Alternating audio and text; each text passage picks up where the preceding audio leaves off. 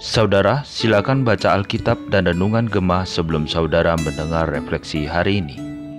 Shalom saudara dikasih Tuhan, kembali di dalam refleksi Gemah tanggal 6 Juni 2022. Melalui refleksi kita hari ini, kita akan bersama-sama diberikan kesempatan untuk merenungkan seperti apakah Allah yang kita sembah dan bagaimana kita merespons hadirat Tuhan di dalam hidup kita.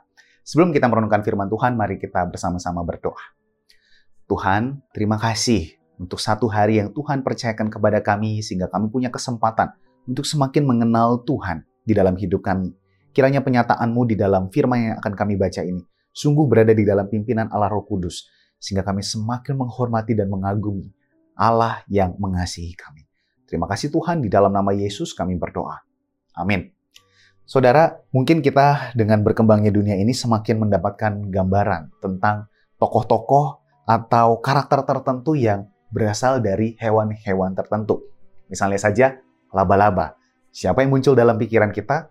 Mungkin sebagian kita berpikir tentang Spider-Man. Ya, tokoh yang begitu lincah, yang sanggup mengeluarkan jaring yang begitu lengket dan membuat orang terikat karena begitu kuat dari jaring tersebut. Tetapi bagaimana jikalau kita melihat akan makhluk yang memiliki empat wajah dan empat sayap? Hmm, rasanya mungkin kita tidak bisa membayangkan seperti apakah makhluk tersebut. Tetapi ternyata itulah penglihatan yang dilihat oleh Yehezkiel saat ia berada di dalam pembuangan bersama dengan orang-orang Yehuda. Oleh karena penjajahan dari bangsa Babel yang terkenal karena kebesaran dan kekuatannya.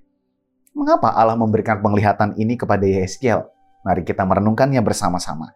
Di dalam refleksi Gema ini, tema hari ini adalah Allah kita kudus, berkuasa, dan agung. Kiranya melalui firman Tuhan yang kita baca semakin membuat kita mengagumi akan Tuhan dan percaya bahwa Dia adalah Allah yang layak untuk kita sembah. Teks hari ini terambil dari Yeskiel pasalnya yang pertama. Namun kesempatan ini saya hanya akan membacakan ayatnya yang pertama sampai yang ketiga dan nanti di akhir di dalam ayat yang ke-28. Demikian firman Tuhan. Pada waktu tahun ke-30 dalam bulan yang keempat pada tanggal 5 bulan itu, ketika aku bersama-sama dengan para buangan berada di tepi sungai Kebar, terbukalah langit dan aku melihat penglihatan-penglihatan tentang Allah.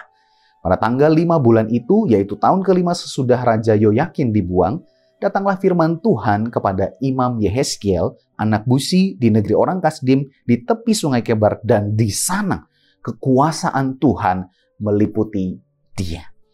Saudara, setelah ayat 3 ini dimulai, penglihatan akan hewan atau makhluk tersebut yang sebetulnya menggambarkan tentang Allah itu dicatat dan ditulis. Seperti yang kemudian dirangkumkan oleh penulis Gema, yaitu empat sosok yang menyerupai makhluk hidup.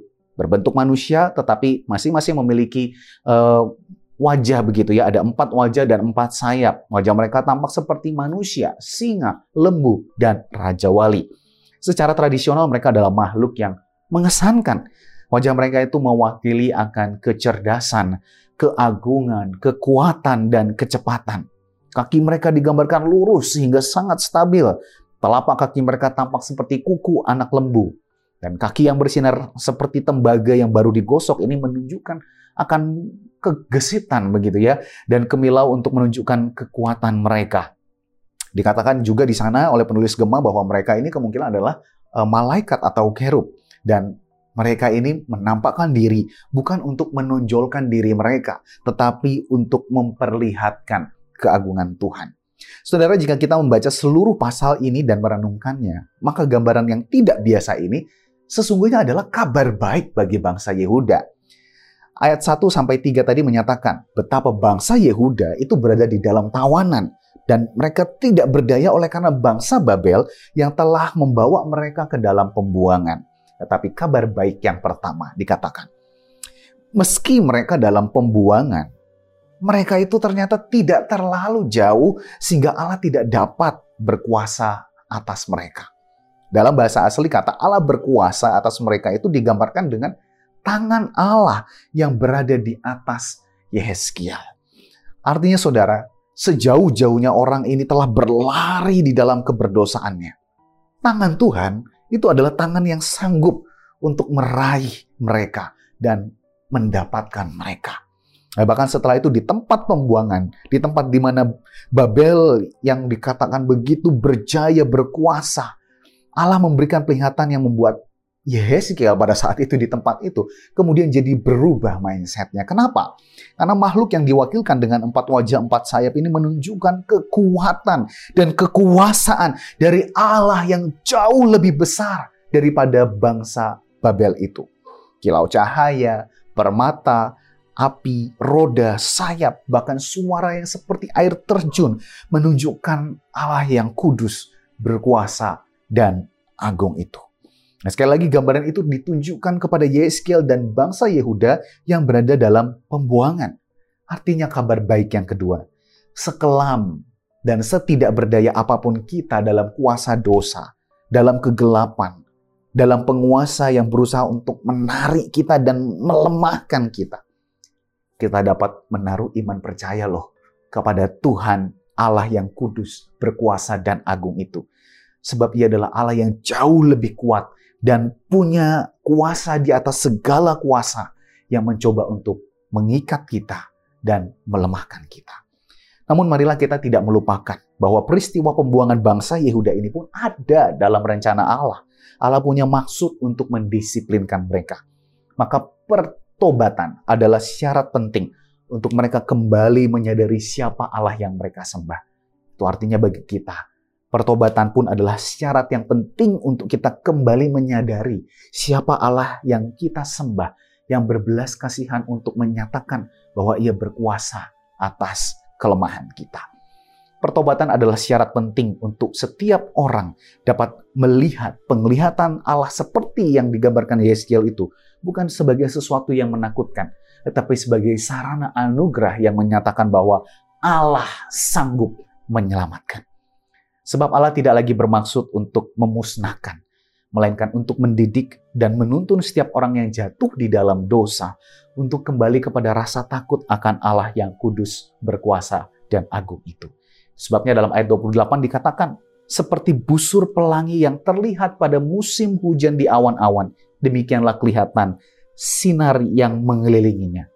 Begitulah kelihatan gambar kemuliaan Tuhan. Tatkala aku melihatnya, Aku sembah sujud, lalu kedengar suara dia yang berfirman. Busur pelangi tanda Tuhan mengingat janjinya, bahwa ia akan kembali mengasihi, bahwa ia akan kembali memberikan kesempatan, dan bahwa ia akan kembali untuk memulai sesuatu yang baru. Melihat gambaran kemuliaan Tuhan itu, Yehezkiel kemudian bersujud dan tunduk untuk mendengar suaranya yang berfirman. Bagaimana dengan kita? Seperti apakah gambaran kita tentang Allah yang kita sembah? Apa yang membuat Anda berkesan tentang Allah ketika membaca keseluruhan pasal ini? Kiranya gambaran ini tidak hanya memicu akan imajinasi kita tentang seperti apakah Allah, tapi juga memicu mindset kita yang bergerak kembali mengagumi kemuliaan dan kedahsyatan Tuhan yang mau kembali untuk meraih kita yang terhilang, yang terkadang abai terhadap Tuhan. Sehingga tubuh dan roh kita pun dapat diajarkan untuk kembali sujud menyembah kepada Tuhan. Dan kita ajarkan kembali tubuh dan roh kita untuk kembali dengar-dengaran pada firman-Nya yang mau menuntun kita kembali dan membebaskan kita. Setelah renungan ini selesai, ambillah waktu sejenak untuk kita tidak terburu-buru, kembali merasakan hadirat Tuhan, mengaguminya, dan merenungkan kehendaknya bagi setiap kita pada hari ini. Amin. Mari kita berdoa. Tuhan kami berterima kasih buat anugerah kesempatan di mana Engkau Allah boleh menyatakan dirimu kepada kami melalui firman Tuhan ini. Kiranya gambaran ini membuat kami kembali takjub dan mengagumi Engkau Allah yang berkuasa atas kegelapan hidup kami ini. Dan Kau mau membebaskan kami, menyelamatkan kami untuk kami kembali kepadamu dan memulai hidup yang baru bersama dengan Tuhan. Terima kasih ya Tuhan, tolong kami kami bertobat dan kembali berjalan bersama dengan Tuhan. Dalam nama Yesus kami berdoa. Amin. Tuhan Yesus memberkati saudara sekalian.